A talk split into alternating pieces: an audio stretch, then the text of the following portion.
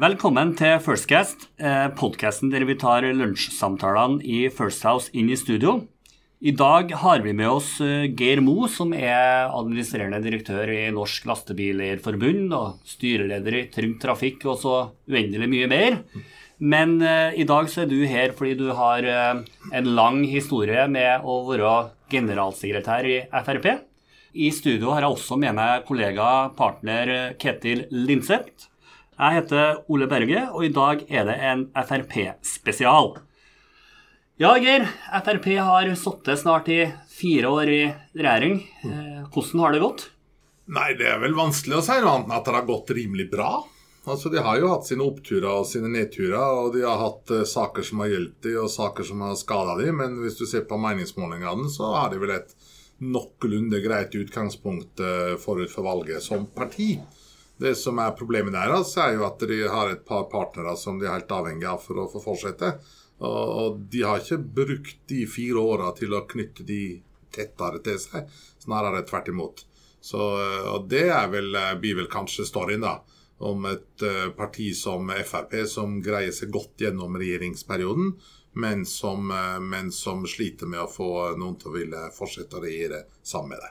Men er, det, men er det, på en måte FrPs feil, syns du, eller er det, er det samarbeidspartiene KrF og Venstre som også må ta en del av den skylda for at samarbeidsklimaet kanskje ikke har vært så rosenrødt alltid? Nei, du må jo du må alltid to til for å danse tango. Og hvis du danser i utakt, så er det vel litt begges feil. Uten at jeg skal gå inn og analysere og fordele skyld og ikke skyld der. Men, men jeg sitter og konstaterer hva som skjer. Eh, og, og, litt henger jo selvfølgelig sammen med at eh, Venstre og KrF ikke har fått den uttellingen av alle de gode sakene de faktisk har fått gjennomslag for. For Venstre eksempel, sitter jo på den ene sida og skryter hemningsløst av alt det de har fått til, og på den andre sida så har de ikke lyst til å fortsette. Og det samme gjelder KrF. Så det er vel noe med helheten her da, som gjør at vi er der vi er. Men Frp som sådan syns jeg ikke har et så halvgale utgangspunkt forut for valgkampen. Men du Ketil, i, i lunsjen i dag så var du òg innom dette med samarbeidspartiene sin rolle eh, og oppførsel overfor eh, regjeringa i årene som har gått. Hva er det du egentlig eh, mener med at KrF, og kanskje spesielt Venstre, har, har håndtert dette mindre bra? Det jeg vel sa, var vel at eh, hvis Jonas Gahr Støre blir statsminister til høsten, så bør han sende først og fremst en veldig stor blomsterbukett til Trine Skei Grande. Mm. Uh, nå tar ikke jeg, nå, Det er jo på mange måter uh, Som tidligere Arbeiderpartipolitiker så kan jeg jo si at det syns jeg er bra. Men, men, men, det er jo, samtidig så er det jo sånn fra et, et sånn strategisk perspektiv, hvis en kan bruke så flotte og fine ord, da, så, så, så, så var jeg jo eller forundra over hvordan Venstre agerte her i høst. Eh, på ene sida så har de valgt å stå utafor regjering, som jeg opplever var deres valg. Eh, og så velger de eh, året før det valg å gå i strupen på regjeringspartiene som de sjøl har innsatt. Og eh, hva de tenkte at de sjøl skulle få ut av det til sjuende og sist, det er jo for meg gåte.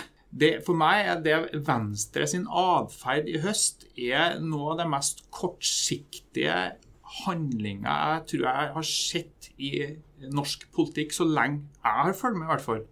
Eh, vi var vel flere som lurte på hvordan i all verden skal de ende opp hen når de legger ut på denne ferden her. Hva er på en måte, fordi at når du, når du da legger ut på et uh, stykke uh, kommunikasjonsøvelse sånn som de gjorde, så, så tenker du jo som så at så garva politikere som Trine Skei Grande har en plan for hvor hun skal ende opp hen. Men når du, når du står igjen og kikker etter den Donald-skya som hun skapte, så ser du at det er ingenting igjen av substansielle ting som hun har eh, skapt. Eh, så er det jo ikke rart de blir straffa knallhardt av velgerne etterpå. Mm. Eh, så ja, jeg mener at hvis Jonas Gahr Støre blir statsminister eh, til høsten, så har han først og fremst Trine Skei Grønne av takk. Men det var jo en, var jo en nyvinning i norsk politikk eh, når KrF og Venstre inngikk en samarbeidsavtale med regjeringa. Valgt å stå utenfor, men inngikk denne avtalen. Eh, hvem har denne avtalen fungert best og dårligst for, eh, syns du, Geir? Ja, Den har jo fungert eh, rimelig bra for regjeringa. Det har den. Og så er jeg helt enig i analysen i forhold til Venstre, og for så vidt også KrF. fordi at de inngikk en avtale som de egentlig ikke har turt eller villet stå ved. For Hvis de hadde villet stått ved den avtalen og vært stolt av den avtalen og, og virkelig feira seirene sine og markedsført det, så hadde du kanskje sett noe annet enn det du ser nå. Men de har liksom gjort det nærmest med et slags tvangsekteskap, og så har de liksom ikke villet stått opp for den. Eh, jeg mente jo i 2008, når alt Frp tok i ble til gull, altså sommeren 2008 Vi seila knallangt opp i, på 30-tallet på meningsmålingene, og Høyre lå et stykke under, men til sammen så var vi over flertall. Jeg mente den gangen at Høyre og Frp burde ha baller nok til å, å gå for rent flertall. Ikke sant? Og så stå det løpet ut, og så gjøre det de kunne. Eh, og Det var ikke så mange som mente det, men jeg mener det fremdeles. Og det blir litt det samme med Venstre og KrF. De, de, de, de, tør liksom ikke. De tør ikke, turte ikke. De, kom et stykke på vei, sa OK, vi lager en avtale, men så står vi ikke ved den. Og Da blir det sånn som, sånn som uh, Ketil sier her, at de uh, ender i det intet. Altså de ender i mm. intet, fordi de, de, har ikke noe substans. De prøver seg på den ene sida, på den andre sida, så blir det bare vas. Og, og, de som kanskje tjener mest på det, er jo når vi kommer inn i valgkampen og man skal begynne å snakke om uh, si, køkork og kaos, eller kaos på den ene eller andre sida. Da har jo, um, har jo, de borgerlige og mellompartiene her spilt gode kort over på den andre sida. Mm. Uh, forutsatt at, uh, at, de greier å, å lage et noenlunde troverdig alternativ.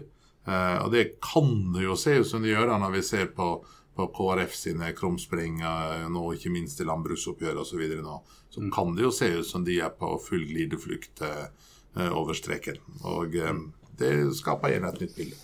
Vi skal komme litt tilbake til, til valgkampen og, mm. og, det som skjer til høsten etterpå, men jeg har lyst til å skru av tida litt tilbake òg, fordi eh, det er mye som har skjedd siden Anders Lange samla en eh, brokete forsamling på mm. Saga kino i, i tidligere på 70-tallet, det som skulle bli Frp.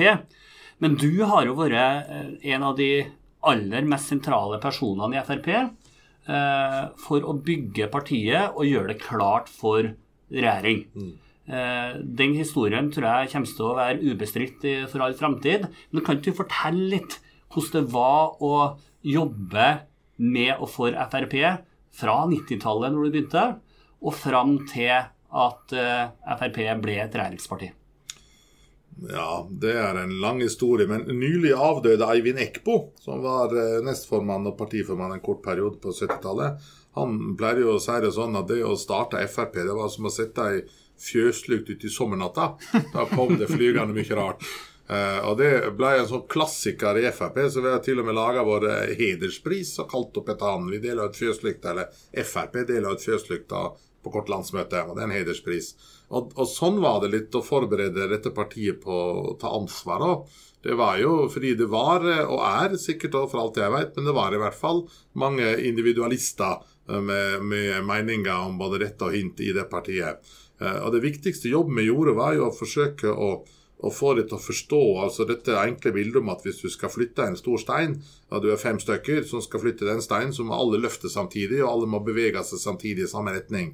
Da får du liksom til noe. Og Det er jo det viktigste i si, alle organisasjoner hvis du skal skape noe. Det er jo å greie å, å, å, trekke opp en plan, en strategi, et mål, og så få folk til å jobbe mot det i fellesskap. Mm. Eh, og når du eh, senest i dag på nyhetene hører da Ingebjørg Godskesen som skal stemme mot kommunereformen i morgen, og kanskje hun skal stemme mot, eh, eller hun skal stemme mot regionsreformen, og kanskje også kommunereformen, fordi hun sjøl eh, mener noe om det, og fordi hun sjøl har blitt stemt på, så skjønner du at man har ikke lykkes helt, da. Eh, så, men litt sånn var det. Eh, og, eh, og, arbeidet starta for alvor når Siv og Jensen og Terje Søviknes ble valgt som nestleder i, på Hell i 1999. Og vi tre fikk i oppdrag å, å, å lage et uh, dokument eller lage, liksom, utarbeide denne strategien. da, Og begynte å jobbe med det. Uh, da starta det. Og siden så, uh, så kjørte vi et opplegg på fylkesårsmøter og, og medlemsmøter der vi hadde laga et foredrag som vel var litt sånn veiledende, for å si det sånn. Men det var jo å trekke opp ulike alternativer. Hvorfor driver vi egentlig med politikk? Hva er, hva er meninga med å bruke all den tida i en organisasjon, i et parti. og Det er jo for å få til noe. Det er jo ikke bare for å hyle og skrike og være mot noe, men du må jo være for noe. Og, eh, og det var liksom det vi jobba systematisk med. Det syns jeg er et ganske sånn beskrivende bilde, det du sier der. fordi at eh, Anders Lange hadde jo Mm. sine ti punkter med alt vi skulle være imot. Nettopp. Men eh, det du sier der med at man skal være for noe også, det, det tror jeg er en eh, vesentlig del av dette. Jeg kommer jo selv inn som du husker da må du huske på at det var jo litt av kampen da partiet ble stifta. Anders Lange var lei av, mens Carl I. Hagen han ville noe. Ikke sant? Og Det var den store kampen ved innledninga. Vi er lei av, som Carl greide å få til at vi vil. Uh, og Det har jo liksom vært prega egentlig hele partiet, fra stiftelsen og, og sikkert ennå ref. siste dagers hendelser. De som er lei av, og de som vil noe. Og Det er egentlig hele greia i et uh, nøtteskall. Nei, Jeg kom jo sjøl inn i partiet sånn i en, i en veldig spennende tid, altså rett før Siv Jensen skulle overta som partileder. Uh, og Jeg husker jo da at, uh, at det var, var mange prosesser som du styrte, som, som var på gang også da. Men hva, hva, hva tror du det partilederbyttet uh, fra Carl til Siv gjorde med bakgrunn i at Frp skulle inn i regjering? Fordi vi, vi husker alle forhistorien med, med Carl og Bondevik og Kåre Willoch og, og denne personkjemien. Hvordan opplevde du den situasjonen å gå fra Carl til Siv? Ja, Det var helt avgjørende. Eh, og med all mulig respekt for Carl, men, men, men Carl hadde aldri greid å få Frp i regjering. Da måtte han ha fått eh, 50 eh, inne på, på valget, og det hadde aldri skjedd. Så, så det partilederskiftet var helt nødvendig. Og, og vi må også huske på, eh, De som skriver historien om Carl Lie, pleier ofte å si at ja, partiet hadde over 30% på meningsmålingene da han gikk av. Det gjorde sitt beste valg, det vant sist osv. Men da pleier jeg å si det at da må vi huske på at de oppslutningen og det valgresultatet, det fikk vi når alle velgerne visste at Carl skulle gå. Eh, valget i 2005 så visste alle at Carl kom til å gå av, for det hadde han annonsert. Og når han gikk av våren 2006, så visste alle at han kom til å gå av. Så det, FrPs beste valgresultat og beste meningsmålinger, det har man hatt under Siv Jensen, ikke under Carl I. Hagen. Eh, og det mener jeg illustrerer godt uh, nødvendigheten av det skiftet og den moderniseringa av Fremskrittspartiet som, som det Siv Jensen sto for og har stått for. Uh, en mer pragmatisk, resultatorientert linje, og der man bygger relasjoner over tid. Eh, Og også er villig til å svelge noen kameler for å få til ting. Barnehageforliket den gangen var et godt eksempel på det. Og ikke kun jage eh, oppslutning og, eh, og, og galluper. Jeg pleier av og til å flire litt fordi at når jeg tenker tilbake på det, fordi at Eli jo en, var jo en stor miljøskaper innad i partiet. Det husker jo du òg. Og hver gang vi hadde gode meningsmålinger, så var det kake og champagne. Eh, ikke sant? Det var vi kjent for, å feire gode meningsmålinger. Og jeg har sagt det på det både offentlig foredrag at det var kanskje en av feilene vi gjorde på den tida. Fordi vi feira meningsmålinger. Men meningsmålinger har aldri bidratt til noe som helst. Det er ingenting som varer så kort som en god gallup. Den er over idet champagnerusen sklir ut. Sant? det er jo valgresultatene som gir det mulighet til å skape noe. Eh, og Frp var eksperter på å feire galluper, mens Arbeiderpartiet var eksperter på å feire valgresultater og bruke det til noe. Og Det er vel den lærdommen som kanskje har sklidd litt inn i Frp etter hvert òg, at det er resultatene på valgdagen som teller, og ikke nødvendigvis bare meningsmålinger. Men Ketil, sånn eh, sett fra utsida, du har lang, eh, lang eh, karriere i Arbeiderpartiet. Den transformasjonen som Geir her snakker om, fra å gjøre Frp til fra et, et parti som på en måte var langt unna regjeringsmakt, og så, og så omdanne det til å modne partiet for å gjøre det klart til regjering. Hvordan oppfatta dere det, sånn sett fra deres ståsted på det tidspunktet?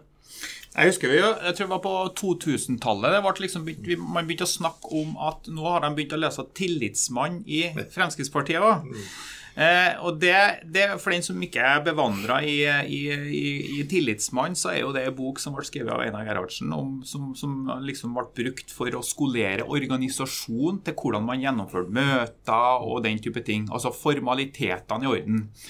Og, og jeg tror jo at eh, for den som har fulgt med lenge i politikken, så kan man jo dra interessante betraktninger rundt det som Geir her peker på, nemlig dette med å være opptatt av målinger. Altså det, jeg vil jo si at man var populister. ikke sant? Det det er jo liksom kjennetegnet litt på et sånn populistisk, litt umodent parti. Man, man, man, er mer opptatt av oppslutning, da. Eller vi Ole som er opptatt av fotball. Er, du, du, vinner ikke serien bare med å være opptatt av enkeltresultater. Du må, du må, må summere tabellen til slutt i, på enden av sesongen.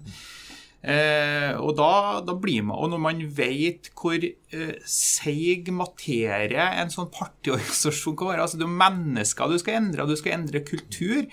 Så er det jo bare å bøye seg i støvet for den jobben som Geir og, og co. har gjort i forhold til eh, Det er jo et fantastisk solid eh, håndverk. Så skal ikke jeg mene noe om verken Carl I. Hagen eller Siv Jensen, for det føler ikke jeg meg kvalifisert til å mene om hva som, har, hva som er forskjellen. Men, eh, men eh, man kan jo Man kan jo Man ser jo på resultatene, mm. Eh, og, og de er jo helt fantastiske. Og det er jo på, på mange måter det som, som, som jeg syns er litt fascinerende med det regjeringsprosjektet dere satte i gang med. Fordi at Jeg hørte jo ofte den sammenligninga med SV. fordi at SV ble jo på mange måter et sånn skrekkeksempel på hva som kan skje når du blir havner som lillebror i regjering. Men, men det har jo Frp unngått.